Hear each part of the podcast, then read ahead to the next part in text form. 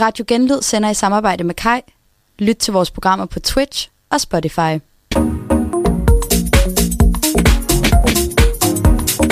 Tøver du også, inden du bringer det nyeste reality på banen? Og mærker du øjne i nakken, når du hiver TikTok frem i bussen, så er du langt fra alene. I den her discount-version af presselogen er det nemlig alt, vi snakker om, og du er nu en del af den laveste fællesnævner.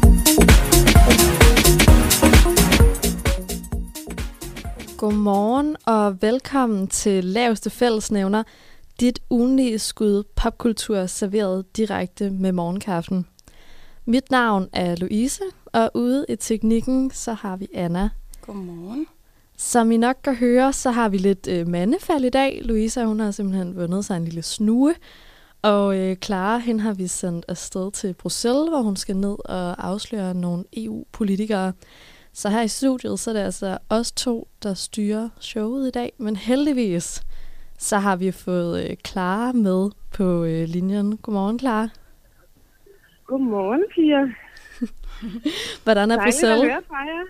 Hey, lige måde. Og Bruxelles, og det er, det er et spændende sted. Der er meget rart, kan jeg fortælle. Øh, der er mange vigtige folk også. Så det er sådan en god blanding af, af, af jeg tror, London og, øh, og noget meget vigtigt. øh, men der er smukt her, og der er, der er i hvert fald øh, masser af god mad og god øl. Så det er, det er virkelig skønt. Ej, hvor herligt. Vi har jo, øh, vi har jo taget dig med, fordi vi også har sendt dig på en lille mission øh, Ja. på vej til Bruxelles. Du skal nemlig, øh, du skulle nemlig undersøge lidt om de her airport flings. Kan du ikke lige prøve at, at fortælle lidt om, hvad det er, og hvordan du egentlig har stødt på det? Jo, de her airport flings, det er ligesom sådan en ting, der har floreret helt vildt meget på min TikTok hen over sommeren, hvor at det ligesom er, når man er øh, skal rejse, og man skal i lufthavnen, så møder du, øh, så kan man møde en person, som man ligesom får øjenkontakt med, og så bliver man ligesom lidt, lidt instantly forelsket i dem, uden at sådan vide noget om, uden at kende dem, men bare fordi man så kigger på the looks of dem. Og så tænker man, så får man den her øjenkontakt, og så er der ligesom en eller anden flirt going on. Og sådan, i ja, nogle tilfælde kan det jo selvfølgelig udvikle sig til, at man snakker sammen, men i de fleste tilfælde, så er det jo bare, at man ligesom kigger på hinanden og synes, at hinanden ser dejlig ud, øh, og forestiller sig en lille fremtid sammen, muligvis, eller hvad man kunne lave af forskellige ting. Så jeg har jo selvfølgelig været ude at øh, flyve, fordi vi skulle til Bruxelles, hvilket jo selvfølgelig er rigtig godt miljømæssigt på øh, DMJX og kommissionens regning, men øh, det er til, til en anden snak. Øhm, men så har jeg jo selvfølgelig kigget lidt i lufthavnen, og vi var jo selvfølgelig altså 40, 40 studerende fra DMJX, som var afsted, eller er afsted. Og det gælder jo ikke rigtigt, hvis man kender folk i forvejen. Så det er ikke sådan, at man bare lige kan gå ned og kigge på en, man allerede kender, og være sådan, ej, uh, du er lidt dejlig. øhm, Dig har jeg ikke set siden sidste semester, men men nu, nu er den der. øhm, Undskyld, nu snakker jeg jo det helt forkerte sted. Hvorfor tror du, det er, at der er et eller andet sexet ved en lufthavn og ved at flyve og sådan noget? Hvad er det? Jamen, jeg tror egentlig ikke sådan, det der med lufthavnen er så sexet. Jeg tror mere, det er tanken om, at man ligesom hele den der sådan adrenalinfølelse, når man skal ud og rejse, og man skal give sig et sted hen, at så kan man se et eller andet i en, i en anden person, som også skal det samme. Og tænk, hvis man endte ved siden af hinanden på flyet. Tænk, hvis der opstod kemi. Altså alle de her forestillinger, man kan have sig omkring et andet menneske, man overhovedet ikke kender. Bare der må- fordi, at man Jo, undskyld. Men der er Ja, det måske jeg. også noget ved det der med, at man er sådan presset ind i et fly, og det er måske sidst, altså hvis der nu sker noget, så er man... Så, jeg ved godt, det er en lille smule dark, men, men jeg, nogle gange så sådan det der med at presse ind i et fly sammen, som sådan, vi har fælles skæbne nu, hvis der sker noget.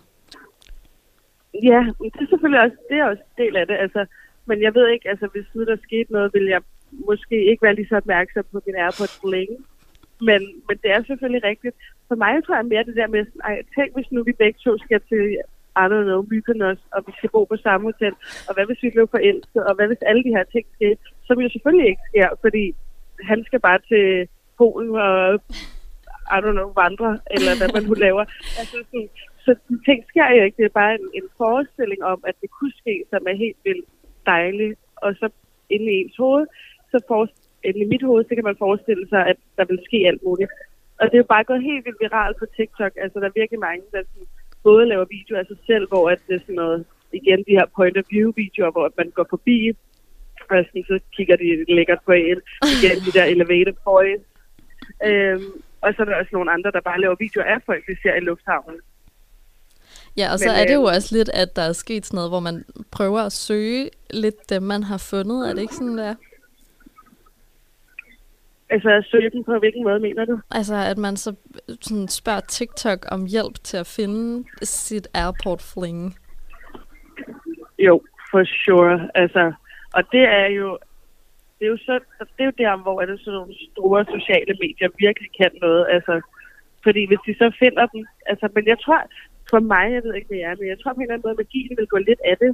Altså, fordi alt, alle de her ting er jo bare forestillinger op i ens hoved. Det er jo ikke noget, man sådan reelt set altså ved noget, og man ved jo ikke, om man, om man vil have kemi med den her person. Og hvis man så finder dem i virkeligheden, ud over den her lufthavn, så vil man lige pludselig skulle snakke sammen og have en samtale, og så vil man finde ud af, at man måske overhovedet ikke vibede sammen. Så jeg tror meget for mig, at magien ligesom bare er der i lufthavnen, hvor man sådan går og kigger lidt på hinanden og flytter lidt. Men det er måske også lidt det der med, at man godt kan have en tanke om, at nu ses vi her i lufthavnen, men så skal vi aldrig ses igen, som gør det lidt mere spændende, lidt mere lækkert, og som fuldstændig blinder, når man så møder dem øh, pissefuld på en eller anden karaoke-bar nede i Bruxelles. jeg føler, det er hovedbesømmet, det der. Og det er nemlig det. Sådan, så, så er der ligesom ikke rigtig noget særligt smukt og romantisk i det længere, fordi så står Jørgen bare derovre og er pissefuld og øh, synger My Heart Will Go De On kan næsten kun skuffe, ikke? Jo, det er nemlig det. Altså, det er i hvert fald sjældent, at man hører om, at det er ligesom med folk, der møder nogen på en sommerferie, og så har de den mest romantiske sommer, hvor de har en masse dejlig kærlighed og sex. Og så mødes de, når de kommer hjem, og så er de sådan, men der er jo ingenting imellem os. Det var jo kun, fordi vi var afsted.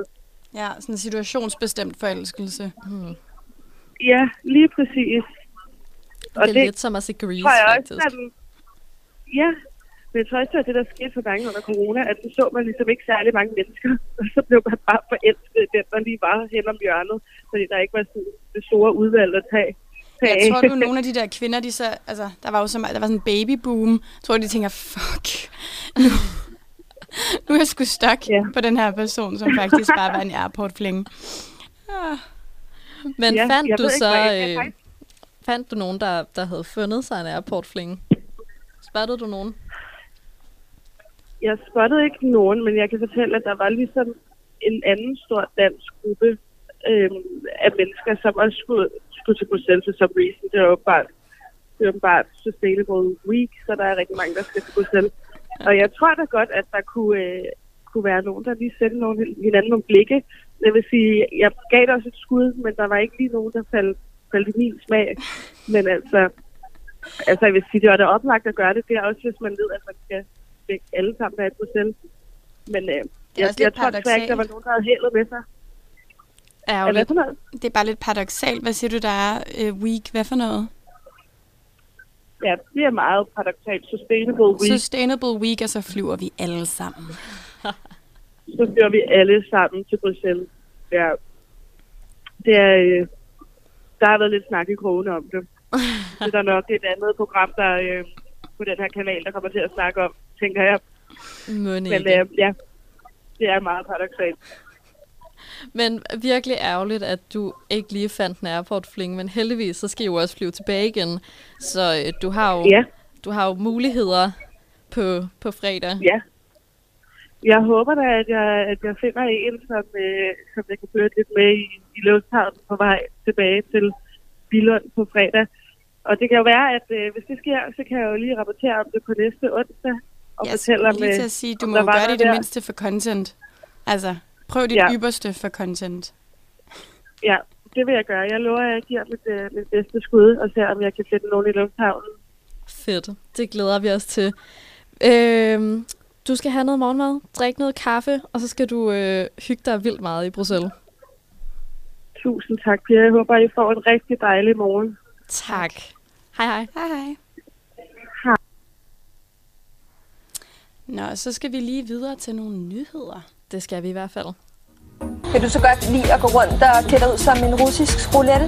No way. Ellers tager jeg hjem nu, og jeg er fucking serious. Jamen, det skal sgu gøre ondt! Ja, tak. Og, øh, og på den note, Anna, så tænker jeg, at du starter. Du har jo taget lidt nyheder med om Rihanna. Ja, men altså til alles store, store glæde og overraskelse, så blev Rihanna jo øh, udnævnt eller præsenteret som den næste Super Bowl Half Game Time Show. Half Game Show. Have time. Have time show, Show. game. yes, Damon skal performe til Super Bowl. Og øhm, det er jo en kæmpe nyhed, fordi at hun, Rihanna har jo ikke lavet musik i syv år, eller noget i den stil. Nej. Der har også været alle mulige memes omkring øh, det her med, om tager hun nu sin, sin fancy makeup linje med op på den scene? Skal hun udnytte det her moment? Er det bare en masse damer, der står og tager makeup på? Og selvfølgelig er det det. Og selvfølgelig er det det. Ej, det, jeg, tror, jeg tror, vi skal forvente et virkelig højt niveau. Øhm, og, og sidst, der var det jo Rihanna, nej, det var Shakira og J-Lo. Og det var jo kæmpestort, fordi det var første gang, at det var to kvinder, øhm, og så også to, øhm, hvad hedder sådan noget, Hispanic ladies. Øhm, og det sjove var jo, at efterfølgende kom det ud, at øh, J-Lo var ret rasende over, at hun skulle dele den scene med Shakira. Nej, hvorfor? Det er da en kæmpe ære. Hun følte, at den, den scene kunne hun godt have taget selv. Der er simpelthen ikke brug for Shakira her også. Øhm, hvilket, hvilket jo farvede virkelig mange mennesker. Også fordi J-Lo er jo notorious for at være øhm, altså absurd selvoptaget. Og virkelig en diva i yderste potens. Øhm, men så er det jo lidt sjovt, at Rihanna hun har fået lov til at få den her scene alene. Mm. Men det er der jo ingen, ingen der kan klandre hende for, fordi at hun er jo et kæmpe ikon, øhm, og jo en skøn musiker, og men hun snart har lyst til at lave noget musik til os. kunne være rigtig dejligt.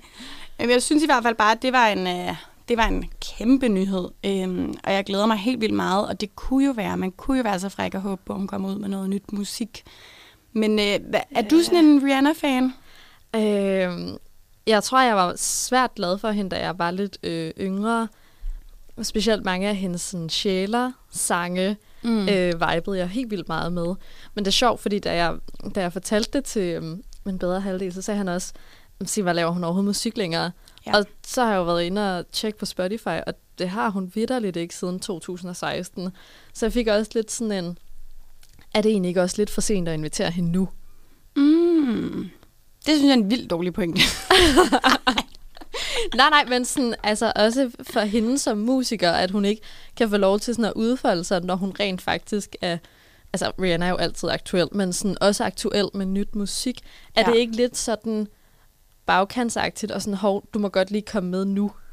Jo, jo det, altså der er jo helt sikkert noget der. Øhm, det kan også godt være, at det bare er et virkelig sådan et, et forsøg på at få damen ud igen, fordi hendes fans prøver jo intenst at, at få hende til at lave musik igen, og hun er jo i mellemtiden blevet øh, mega rig på at lave den her undertøjslinje og det her make mærke som hun har ret meget succes med. Øhm, så jeg håber, at, hun får lidt comeback og kommer ud med noget nyt musik op til.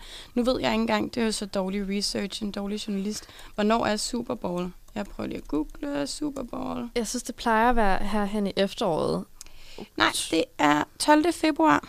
Nå. 12, så, så de er også ude i god tid. Hun kan jo nå at lave meget inden da. Ja, det er rigtigt. Det kan være, det er sådan et skub i den rigtige retning, at hun tænker, jeg skal også have noget nyt med til det her Super Bowl show. Ja, ja og jeg så, at der var paparazzi-billeder af hende, der, der var på vej ind i studiet. Og det var en, øh, den, øh, en, kæmpe, en kæmpe nyhed også. Så, øh, så det glæder vi os bare mega meget til. Altså jeg føler, hun er hun er så også lige lidt yngre end dig. Jeg ved ikke, om det gør den store forskel. Men hun var seriøst musikken i mine teenageår, føler jeg.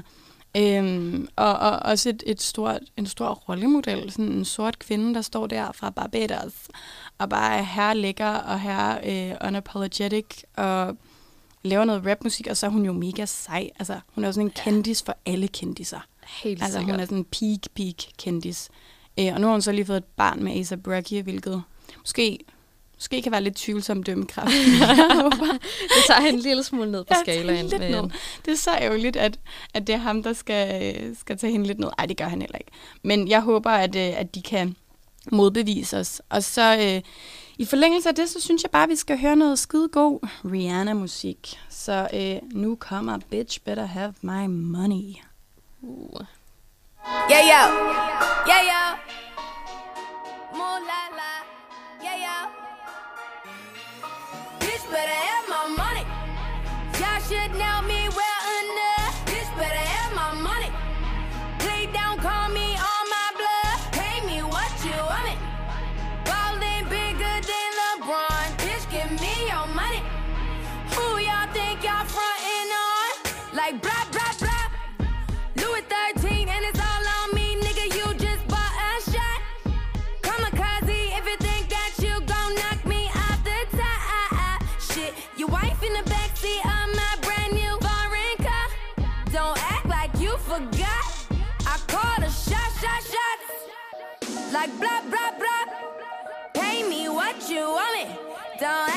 you forgot.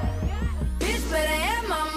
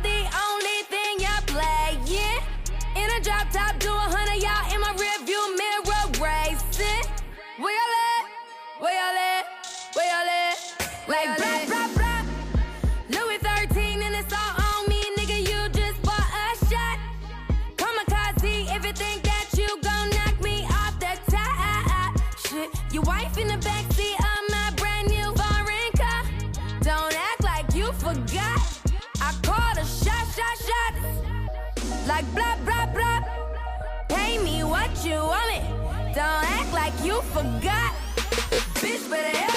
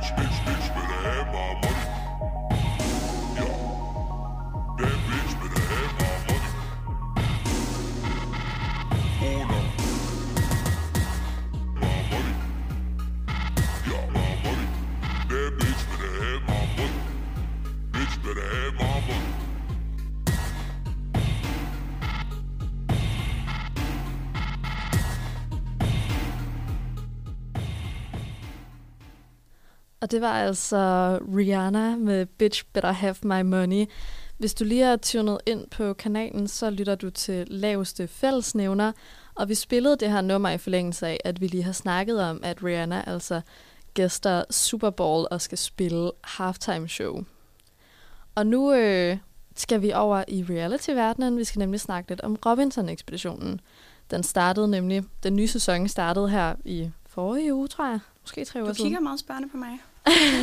Som om du ved det, Ja. men du har ikke set det. Det er fair nok. Jeg tror, det er tre uger siden. Øhm, og, øh, og noget af det, jeg blevet lidt mærke i, det er, at øh, Loai, som er kendt fra Viaplay-serien Kørelærerne, han er med. Øhm, og der er han sammen med sådan et par andre små. Der er sådan en influencer med, og der er en med, der vist er gift med en racerkører. Og det føler jeg er meget en ting, de har gjort inden for de sidste par sæsoner. Sidste sæson havde vi også Ralf med, der er gift med Lisbeth Østergaard. Okay. Og vi havde Amanda Sasha med, der er kendt fra øh, DR-serien De Dyre Piger. det er fantastisk at vide, at man faktisk godt kan gifte sig til at komme med i noget reality. Ja, I gør. Ja. Og så sådan stadigvæk have lidt star potential. Øhm, der var også Ninos med, der ejer slash ejede Bronuts. Jeg ved ikke lige helt om Hvem, hvad hed? Ninos, ham der øh, havde Bronuts Nå, sammen med jeg tror det var tyrker. Nej, nej, de har det sammen. Ah ja. Øhm, og, og tidligere har Robinson jo ikke været sådan noget, hvor man havde øh, småkendte med. Det var jo meget sådan et øh, program for alle danskere, der ligesom har set det siden 97, eller hvornår det startede. Øhm, og som altid har, har drømt om at være med og vinde den her kvart million og trofæet og så videre. Men nu er de altså begyndt at, øh, at have sådan nogle stjerner med. Øhm, og, og det fik mig sådan lidt til at tænke på, at, at det synes jeg mange reality-programmer gør. At de høster lidt på hinanden. Ja, at de ligesom avler, eller sådan tager lidt hister her. Lige præcis. Ja. Altså, øh, der er jo også øh, tyrker der, som øh, ejer Bronert sammen med Ninas, der har været med i Paradise to gange. øh, så var der Jaffa. What a accomplishment. jeg synes simpelthen, han havde at være med to gange. Så er du bare OG. Også fordi han var vildt ung første gang, han var med. Men stadigvæk meget ung anden gang, han var med. Så det synes jeg er ret utroligt. Måske ungt anlagt. Er han ikke forholdsvis... Ej, det ved jeg ikke. Det skal jeg ikke kunne sige noget om. Jeg, jeg tror, han er sind var rimelig ung, da han var Ja. med, og nu er han lidt mere rolig, er settled lidt down. Var det ikke ham, der blev smidt ud for at tyre en flaske vand efter Paradise? Jo. Eller efter Sara i Paradise for to sæsoner siden? Det føler jeg ikke er så, så slow og roligt. Nej, øh, det er vist kommet efterfølgende. Han er meget, øh, både ham og hans kæreste, Sara, som han vist nok mødte derinde. Hun har i hvert fald også siddet med i Paradise, så de må have mødt hinanden i et eller andet reality-regi. Øhm, har begge to været meget verbale omkring, at sådan er han altså ikke længere, og de får det også til at se ud som noget, det i hvert fald ikke var, og så videre, og så videre. Så nu er han vist mere rolig og meget ude at rejse, de prøver at få et barn og sådan Okay, nogle ting. godt for tyrker. Ja, virkelig. Men hvad tænker du sådan om det der med, at reality-programmer øjensynligt avler på hinanden? Altså, det er sjovt, fordi det øh, snakker lidt ned i noget, jeg også øh, kommer til at snakke om senere, som er det der med, at nu er berømmelse ikke for de få, men det er for alle. Øh, det er ikke så svært at blive berømt længere, eller kendt længere. Så, så det kan godt være, at, at det kommer til at være det, der var equal. En Paradise-sæson nu er nu to gange Paradise, en gang X on the Beach plus Robinson, og så kan det være, at du er blevet kendt. Mm. Altså sådan mængden af... Øh, øh, ja, mængden af, af hvor, Del- kendthed. deltagelse? Ja, nej, men også bare sådan mængden af, hvor set du er, den, Mm. den, den er ikke så høj længere. Øh, det var jo, Paradise var et større program, større produktion. Man blev mere kendt før i tiden. Ja. Øhm, og sikkert også med Robinson. Øhm, så det er sådan lidt sjovt det der med, at man nu skal man virkelig kæmpe for den der berømmelse, og man skal kæmpe meget for at holde sig relevant, fordi sådan, vi bliver hele tiden pushet over til det næste øhm, program, eller den næste ting, der kan underholde os. Så der er måske et eller andet i, i det.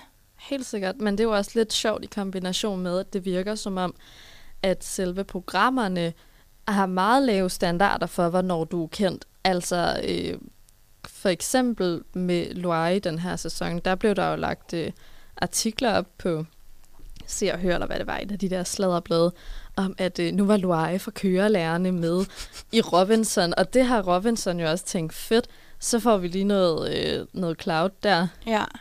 Ja, det er, altså det er måske sådan en akkumuleret kendthed.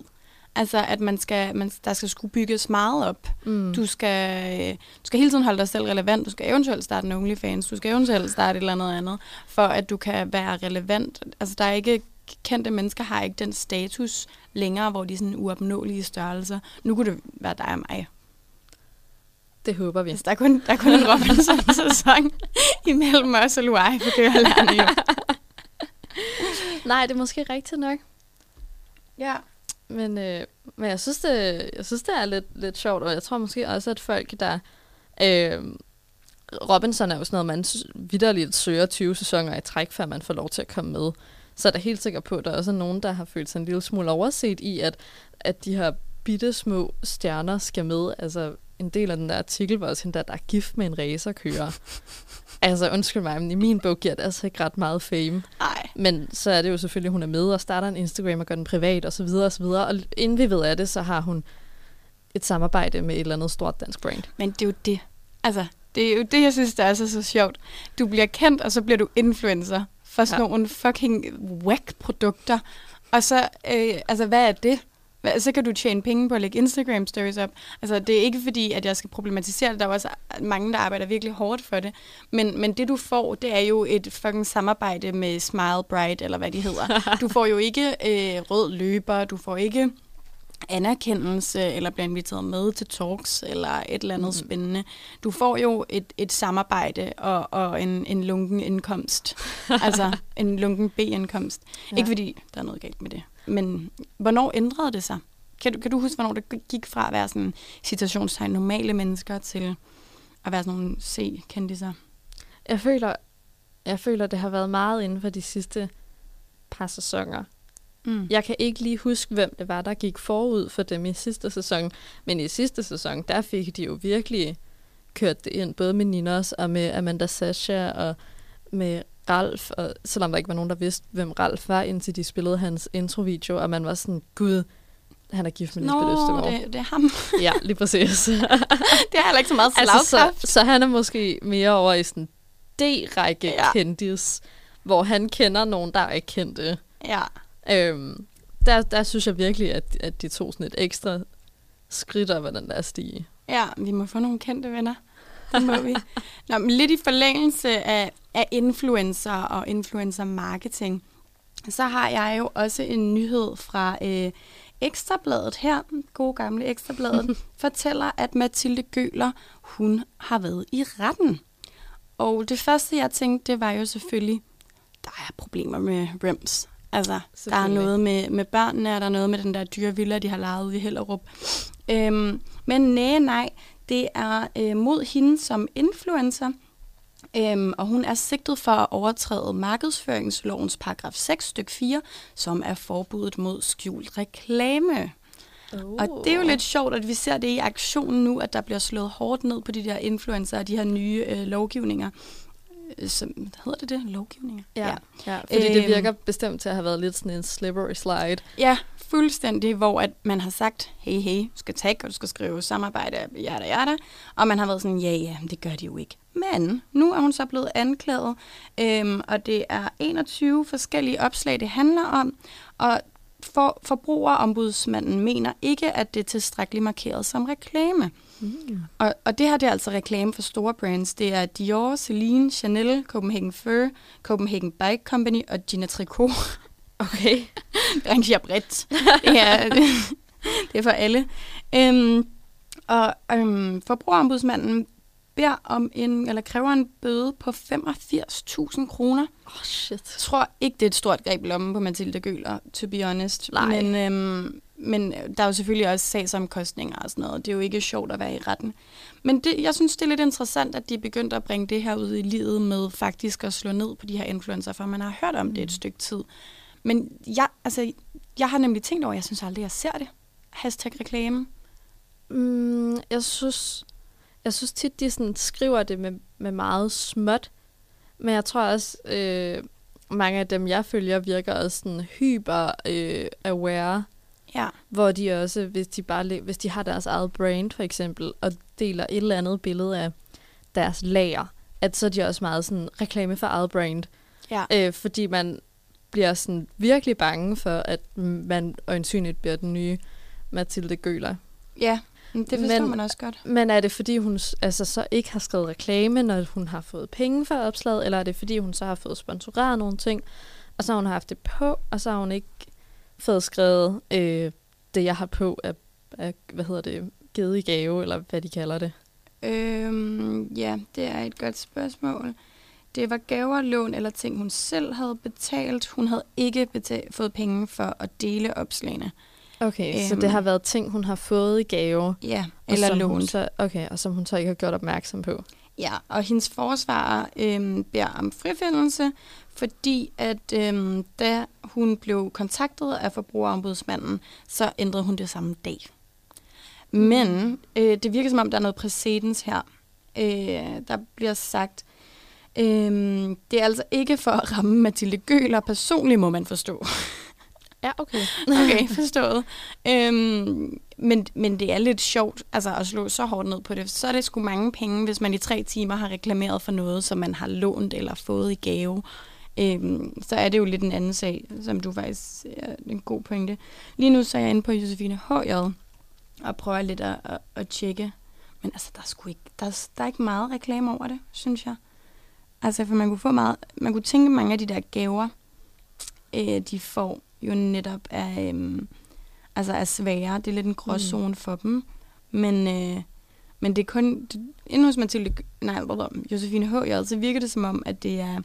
Altså det er de opslag, hvor hun er blevet betalt for opslagene, at, øh, at hun skriver det. Ja, det vil jeg jo også synes var det mest naturlige, men i lovgivningen er jeg ret overbevist om, at, det også, altså, at der også står, at hvis du har noget på, som du har modtaget i gave eller modtaget som en del af et samarbejde, at så skal du egentlig proklamere det. Ja. Men jeg tænker også, at det er virkelig svært at holde op i virkeligheden, fordi man som influencer bare får kastet ting i nakken, virker det lidt til. Ja. Altså så halvdelen af ens klædeskab må nærmest være sponsoreret. Og man kan jo ikke hver gang, man lægger en story op, eller et billede, eller et eller andet, Ja. skrive, at det er reklame. Nej, fordi så lige pludselig bliver det faktisk også lidt kikset, ikke? Jo. Jo, hele min garderobe har jeg faktisk fået betalt af andre mennesker. Så hver gang man lægger en story op, man bare skriver reklame, reklame, reklame. Det kommer også til at virke sådan en lille smule, altså det kommer sikkert til at virke ødelæggende for deres brand om autenticitet, ikke? Helt Altså, sikkert. så det virker som det om, at det er noget, øh, følgere slår rigtig meget ned på, Ja. hvis man nærmest kun laver sponsorerede ting. Men så har man det også sådan lidt, men det er jo det, I gør. Ja. Altså, så Men det er jo også lidt det, de lever af. Ja, det er rigtigt. Det er lidt en svær sag. Er du nogensinde blevet influeret på den måde af, af sådan nogle bloggers der?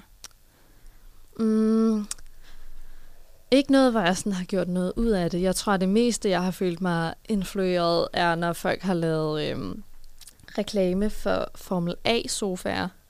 Uh, ja. For sådan en skal jeg bare vildt gerne bede om, men jeg har altså ikke lige 15.000 til at købe en. Nej. Og jeg har hørt noget. Nå. Ja, jeg har hørt, at hvis man skriver til dem og har over et vis antal følgere, så kan man godt få noget rabat. Ja, Men no jeg tror kidding. ikke, at de 500 følgere, jeg har, er nok til at få rabat. Jeg har gået og krydset fingre til, at øh, til den tid, jeg skal have en sofa, så, så må mine 2.000 kunne gøre det. jeg har faktisk sådan overbevist lidt mig selv om, sådan, det, den kan jeg godt få. Ja. Altså om det er 10 procent. Altså det er jo også noget Ja, ja. markedsføring for dem. Helt jeg regner sikkert. sgu ikke med at få en gratis sofa. Men, Hmm. øh, men de har meget reklame, Ja, og det, og det tror jeg er derfor. Altså det hørte jeg, at man øh, skulle bare skrive til dem. det kan jeg mærke, det er en lille bøn til dem, der lige lytter med, at få blæst os sådan op, at vi får følgere nok til at kunne yeah. få lidt reklame. Kan vi ikke akkumulere noget kendthed jo. nu gennem Jo, jo. det her? Og så bliver vi hypet op, og så får vi nogle gratis Formel A-sofaer. Jeg tror, jeg melder mig til Robinson næste år, og så kører Ekstrabladet en artikel på, at det var faktisk hende, der var radiovært på laveste fællesnævner. Ja, ja. Nå, nå hende! og det værste er jo, når man laver radio, så er der ikke nogen, der kan se en. Pis. Pis. Lort, lorte idé. Øhm, nå, havde du ikke også øh, noget mere med? Jo, jeg tænker, at vi går fra rimelig meget B-liste kendis hos Mathilde Gøler over til en ægte A-liste. Det er nemlig Leonardo DiCaprio, der øh, har været rimelig meget i vælten øh, den seneste tid. Fordi det er nemlig ikke mere end et par uger siden, at han slog op med sin kæreste to måneder efter, at hun blev 25. Og det er altså ikke første gang, at han gør det.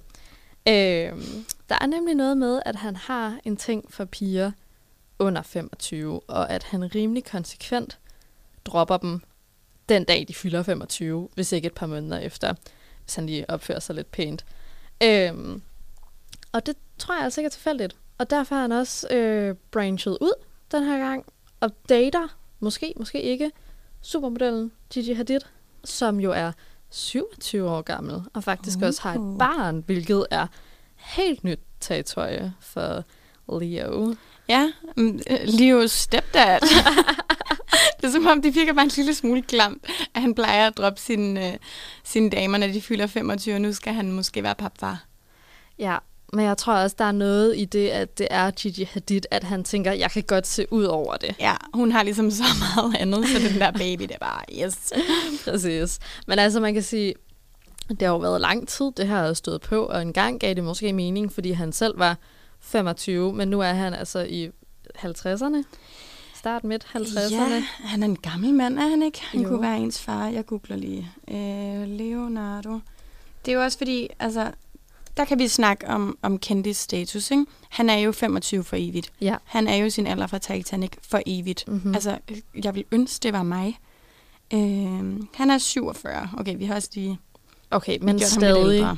Altså, hvis man de sidste... Titanic kom i 97.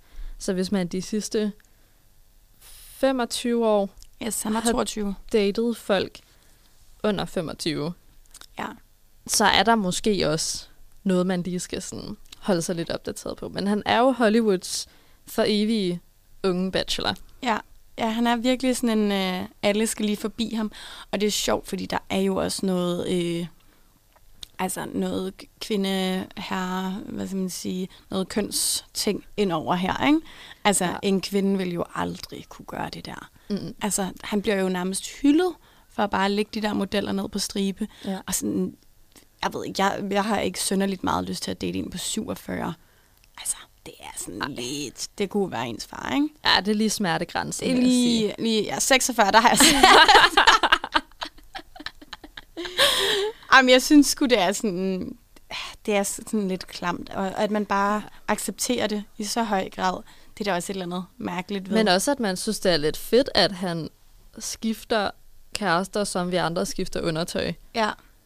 Ja, Ja, altså, ja. at han stadig kan opretholde den livsstil i en alder, hvor man måske egentlig øh, sådan traditionelt set er gift, har nogle børn, måske endda er på vej til at få nogle børnebørn. Ja. Man kan også måske tage det op i et højere perspektiv og være sådan, måske er han den moderne mand, der laver en ny type familie, som bare sådan En af ham og alle de unge, der ikke er en damer, familie. Der ikke er en familie, men bare en mand med fucking mange penge og unge kærester. Ja. Men han har ikke selv været ude og, og sådan melde ud, hvorfor det er sådan, eller be eller afkræftet det. Men jeg fandt sådan nogle artikler, der snakkede lidt om, at det er fordi, at når man er under 25, så, så søger man ikke øh, de der fremtidsdrømme. Man, man søger ikke at få en familie, eller at blive gift, og øh, virkelig sådan commit sig. Og det er heller ikke det, Leo han søger, fordi han jo Okay. er Hollywoods evige bachelor. Så det har noget at gøre med den mentale alder måske. Ja, lige Ja. præcis. Ja, det er den omvendte, jeg laver den omvendte. Jeg, jeg siger 25 plus, så er frontallapperne lukket. og han siger, lige under 25, så er de stadig lidt åbne, at de ikke have børn. Så flaffer de bare ud. det. Ja, ja, de står bare på de der frontallapper. Det er, det er den, den omvendte, den omvendte familiedannelse Ja, stemning. Som Ja. han åbenbart er utrolig hooked på. Nå, men godt, godt for Leo. Ja. Ja. Skal vi i, i, den, øh, i den sammenhæng lige høre en sang? Ja, det synes jeg er en god idé. Ja. Øh, jeg tænker, at vi skal høre den nye sang med Sam Smith, der hedder Unholy. Den har han nemlig teaset rimelig meget med på, øh, på sociale medier. Jeg synes, den er ret sjov, fordi den øh, er virkelig skiftet spor for de der sådan James Bond-føler, og så over til et viralt TikTok-hit, hvilket jeg helt sikkert tror er, er en retning, de fleste gerne vil gå i. Så øh, lad os høre Sam Smith's Unholy.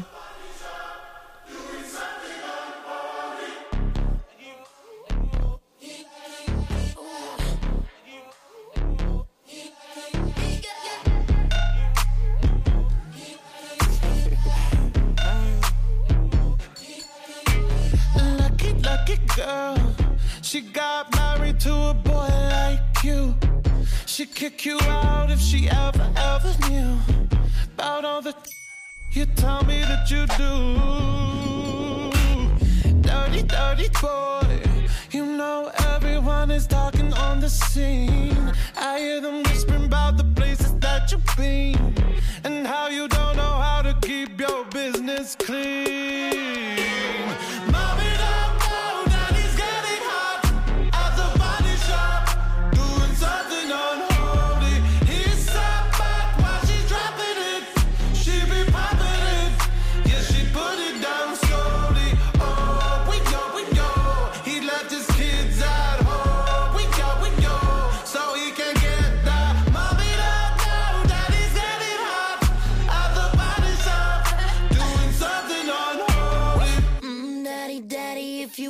Drop the attic. Give me love, give me Fendi, my Balenciaga daddy. You gonna need to bag it up, cause I'm spending on Rodeo.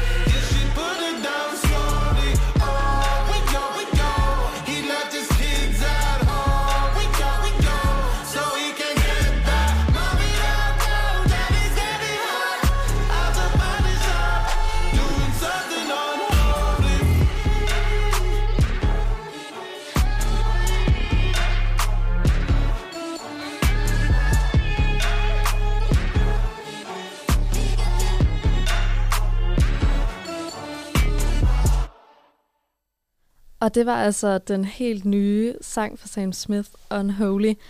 Du lytter stadig til laveste fællesnævner på Radio Genlyd. Og øh, lige inden vi spillede den her sang, der snakkede vi blandt andet om, øh, om influencer og hvad der skal til for at, øh, at få, øh, få lidt rabat. Og der øh, delte vi en bønd med jer om at lige sørge for, at vi gik så viralt, at vi kan få en rabatkode hos øh, Formel A. Og vi kan faktisk se, at øh, vores bønder er blevet hørt af en af Annas gode veninder. Ja, Sofie, min dejlige influencerveninde, det er et kæmpe skud ud. Du har 17.000 følgere, og du markerer alle dine opslag med reklame, når, du, når, når det er reklame selvfølgelig. Mm. Så, så tak for dig. Jeg har, jeg har sgu, øh, jeg har sgu brugt hendes Instagram et par gange, hvis jeg skulle have nogle budskaber ud. Hun kommer altid, hun puller altid through. Hun er første skridt mod, øh, hvad hedder det, mod en rabatkode. Og øh, nu skal vi altså lidt videre. Og vi skal videre til ugens TikTok-fænomen. so that your next post on TikTok will go viral. So why and how did my shit take off? Went viral because of TikTok. Og ugens TikTok-fænomen er faktisk øh, lidt af en fail. Det, der sker, det er, at i sidste uge, så kommer der en video op på min For You-page, der fortæller, at i mandags vil Jupiter være super tæt på jorden. Så den, det tætteste, det har været på i 59 år, og det tætteste, den kommer i 107 år. Og så er det noget med Jupiter og solen står på hver sin side af jorden, og derfor vil den lyse virkelig kraftigt og se meget stor ud. Og den her kombi er vanvittigt sjælden. Må jeg lige spørge dig om noget? Ja. Går du ind og undersøger det, når du læser det på TikTok? Eller er du sådan, yes? Øhm, jeg tog lidt hendes ord for gode varer, men så tænkte jeg også, når jeg skulle bringe det i radioen, var det vigtigt lige at lave min egen research. Så jeg øh, gjorde som hvad jeg gør. Googler Jupiter øh, 26. september Danmark. Og øh, der- kom det faktisk frem. Øh, jeg tror, det var TV2, der også havde skrevet om, at det, det var nogle af de fænomener, man kunne Okay, se det er real news. på nattehimlen. Lige præcis. Og øh, det, der så sker, da jeg ser den her video, det er, at jeg sådan får sådan et urge til at bare måtte se det. Ja. Og det synes jeg jo lidt, at det sociale medier kan, at man, der er det her fænomen, som du aldrig nogensinde ville have skænket en tanke, men fordi du har set det og har fået at vide, at det er vanvittigt sjældent, og det er jo tydeligvis øh, første og eneste gang, jeg kommer til at se det i min levetid, så tænker man, wow, jeg skal bare stå derude. Ja. Så øh, det jeg naturligvis gør, det er, at der er mandag aften, klokken er 23, det er blevet mørkt. Øh, jeg går lige ud for lige at tjekke, kigger op, og så er der bare hvide skyer. Okay. For det har jo regnet hele dagen, Ja. og det regnede søndag, Det er klart. og det regnede i går. Og Jupiter og det eneste tidspunkt i din levetid tager ikke hensyn til skyer. Mm. Det gør det nemlig ikke. Så der var ingen Jupiter til mig. Overhovedet. Du, Overhovedet. ikke, mm, du sagde noget med øh, en kikkert eller noget i den Ja, stil? nej, kigger der kan heller ikke bryde igennem øh, så massiv skymasse, som, som der var øh, natten til tirsdag. Fandt du ud af, om der var nogen, der havde set det? Det tror jeg ikke, der er. Altså, i verden? Jo, jo, men jo. jo. ikke sådan lige i Danmark eller i nærområdet. Okay. Øh, men nej, jeg har egentlig ikke undersøgt om... Der er om, ikke opfølgende artikler om den her ting. Men, men det er jo sjovt, at man bliver... Man, jeg kan jo faktisk næsten blive lidt ked af det. Ja. Altså, så, så tænker man, det er sgu den eneste gang i min levet, levetid.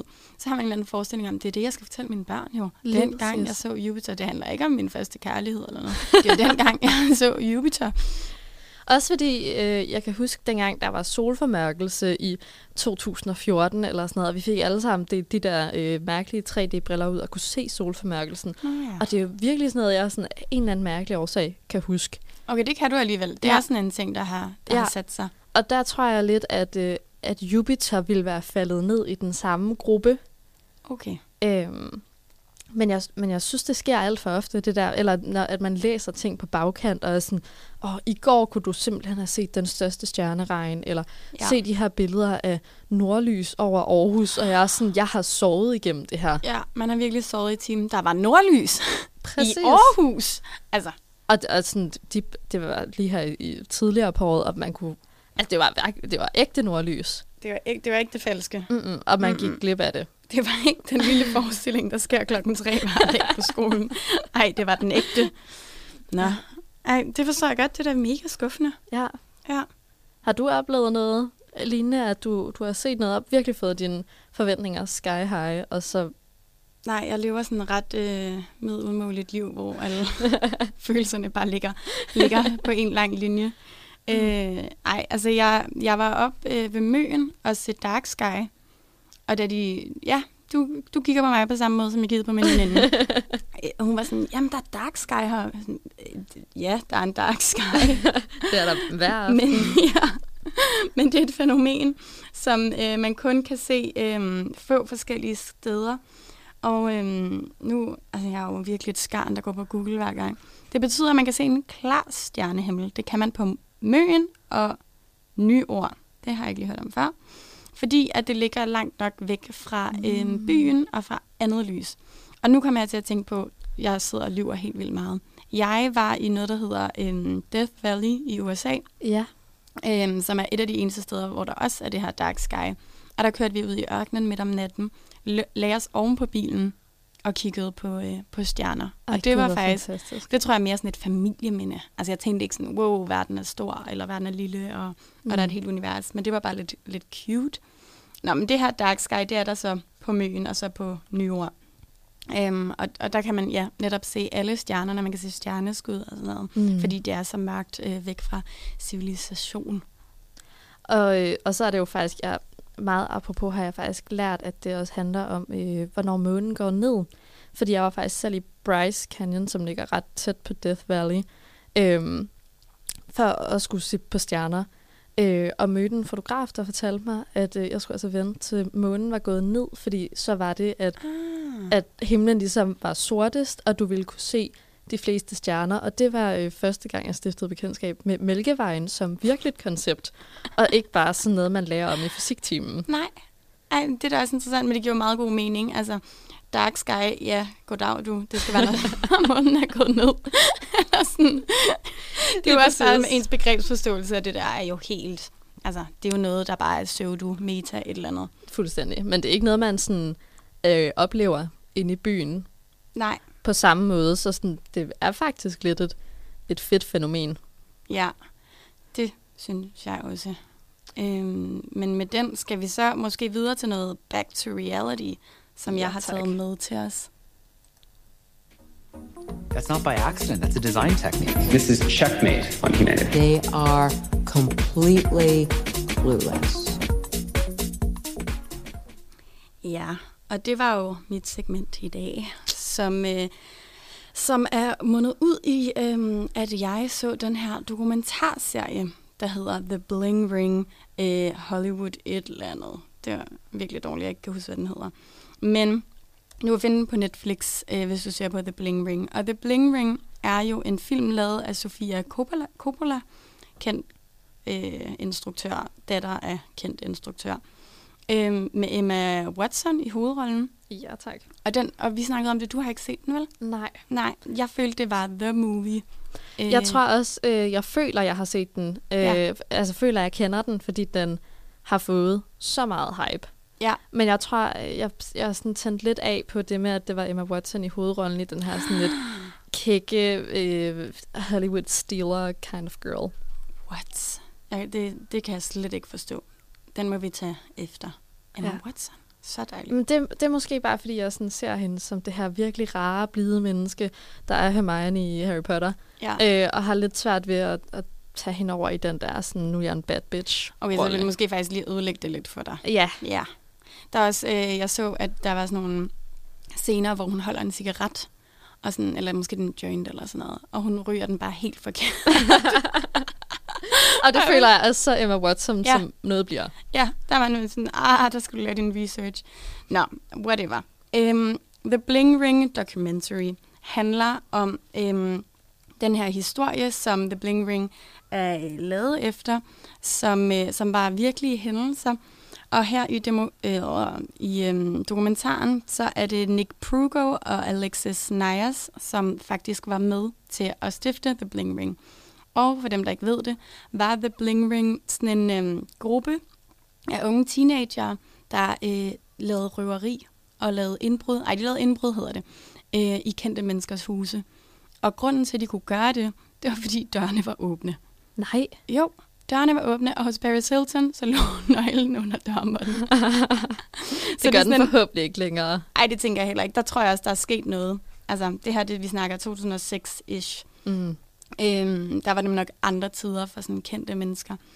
Øhm, nå, men- og de stjal øh, alt, hvad de kunne komme i nærheden af, af sådan tøj og også lidt kontanter, men, men primært tøj og tasker og uger og sådan nogle ting. Øhm, fordi de gerne ville være en del af den her kultur. De boede i Kalifornien, og de var virkelig vilde med, med kendte mennesker, og, og lidt ligesom os. Men Altså bare taget den til next level. øh, og den her dokumentar er bare virkelig, virkelig sjov at se sådan, som journalistisk produkt. Måske lidt questionable. Øh, der bliver ikke gået særlig kritisk til dem. Men det er en dokumentar, der udspiller sig over tre afsnit. Og der møder de her syrede kalifornienske karakterer. Blandt andet hende her Alexis Nyers mor, som øh, er gift med først med øh, en, der er øh, fotograf på serien Friends. Okay. Øh, så de er sådan lidt i the spotlight. Han skrider så, øhm, og hende moren, hun bliver bad shit crazy, og vil gerne være præst i en kirke, der hedder Church of Science, som virker sådan lidt kultagtig, og den er baseret på The Law of Attraction. Er det sådan lidt Scientology-agtigt? Nej, altså The Law of Attraction, det er jo sådan en mantra-ting, hvor at man øh, fortæller sig selv mantraer, og at man regner med, at universet kan bringe en de ting, man ligesom taler ind i virkeligheden. Sådan en what you give is what you're gonna get. Ja, det er meget sådan en holistisk øh, måde at være på. Og den her mor, hun er skør. Altså, hun er skør. Hun lader de der døtre tage på... Hun har en søster, Alexis, og så har hun sådan en, en veninde, som også bliver en søster og kommer ind og bor. Øhm, og de får lov til at tage på alle mulige ture med rige mænd, og, og hende Alexis, hun har et- heroinmisbrug, og det ved moren vist godt lidt. Samtidig så bliver de så... Øh, øh, begynder de at filme til en reality-tv-show-serie, der hedder The Wild Life. Øhm, og det her det er samtidig med, at øhm, de her røverier de bliver opklaret, så der kommer en retssag. Og så ser man ligesom øh, de her øh, øh, advokater, som er hendes advokater, men som spiller med i reality-serien, og de får opstillet alle mulige scenarier fra producerne, øh, for, for at gøre det her show lidt mere spændende, og de scenesætter den øh, gang, hun blev anholdt for de her røverier til deres reality-tv-show. Det er fuldstændig Okay, så, sindssygt. så det er det er sket i virkeligheden, og så er der blevet lavet en, en film om det, men der er samtidig, så hende der moren er i gang med at få lavet et, et reality show, Ja. hvor det hele også udspiller sig samtidig med, at det udspiller sig i virkeligheden. Jeps. Så hun går øh, i retten, imens hun filmer et reality-tv-show. Og hende, øh, hvad hedder det, sådan noget state lawyer, state attorney, et eller andet, hun sk- beskriver det som en græsk øh, LA tragedy. Hvor hun bare sådan, alle vil være kendte, alle er helt fucked, og advokaterne vil være kendte, øh, altså de anklagede vil være kendte, øh, det forurettede er kendte. Mm. Øh, det er sådan noget med, Orlando Bloom skal måske ind og vidne, fordi de har stjålet for 500.000 dollars hos ham, og også hans vintage uger. Øhm, så det er bare sådan en helt syret dokumentar om det der LA-liv. Og så det der med øh, sådan en, en demokratisering af berømmelse, som vi også lidt snakkede om tidligere. Berømmelse bliver lidt for alle, Mm. og de der unge, de begynder at stjæle det her tøj. Og det, der er sådan lidt interessant også ved sagen, det er, at øh, når politiet finder ud af, hvem de er, så skal de jo ligesom connecte dem til de her øh, forbrydelser, der er blevet lavet. Det gør de gennem Facebook og Instagram, fordi at de der skide unge, dumme mennesker, de går rundt i tøjet i byen. Selvfølgelig gør de det. De går rundt med en taske, de har stjålet fra Paris Hilton. Ej, de har også været inde hos hende der pa- Pal- Paltridge, som er med i The Hills, som er sådan et, øh, også et reality-tv-show Mm. fra LA. Øhm, og, og han går rundt, ham Nick Prugo hedder han, han går rundt i øh, Orlando Blooms cap og solbriller under retssagen. Altså sådan, det er Nej. helt syret. Øh, men det bliver ligesom opdaget gennem Instagram og gennem MySpace, øh, fordi de poster alt det der. Og på den måde, så kommer de ligesom op af den der sociale rangstige og prøver at, at blive kendte på den måde. Mm. Øhm, Men det er godt nok også et bold move.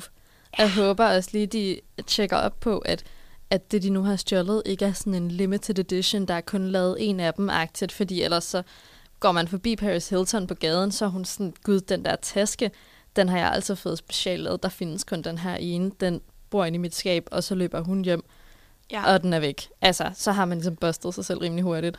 Det tror jeg ikke, de har. Altså, det virker som om, de har været så sådan nådesløse. Altså, de har været skide ligeglade.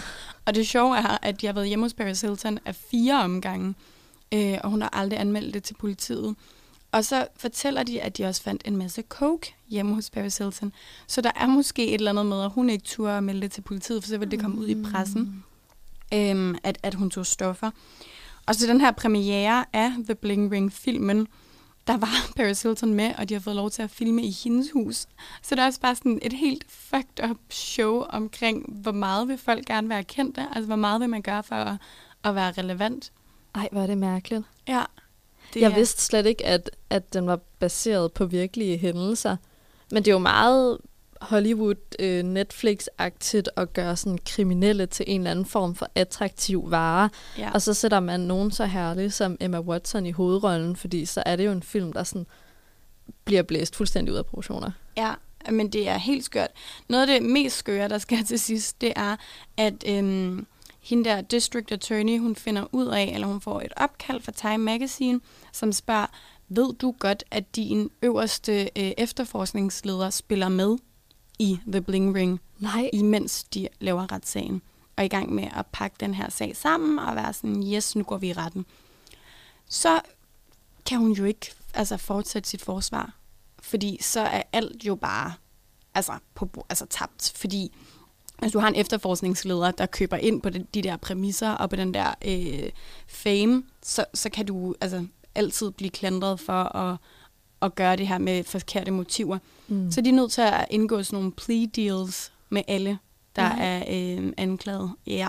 Så ingen af dem får særlig lang tid i fængsel, hvilket jo er fuldstændig sindssygt. Hvad ender de med at få? Jeg tror, de ender med at få omkring øh, hende, Alexis Nyers, hun er ikke særlig meget med. Øhm, hun får 60 dage i fængsel. Nej. Jo, og ham, øh, Nick Prugo, han får et år, men er ude efter tre måneder, tror jeg. Ja, men de er jo 18 år gamle, så de ender i sådan nogle youth facilities.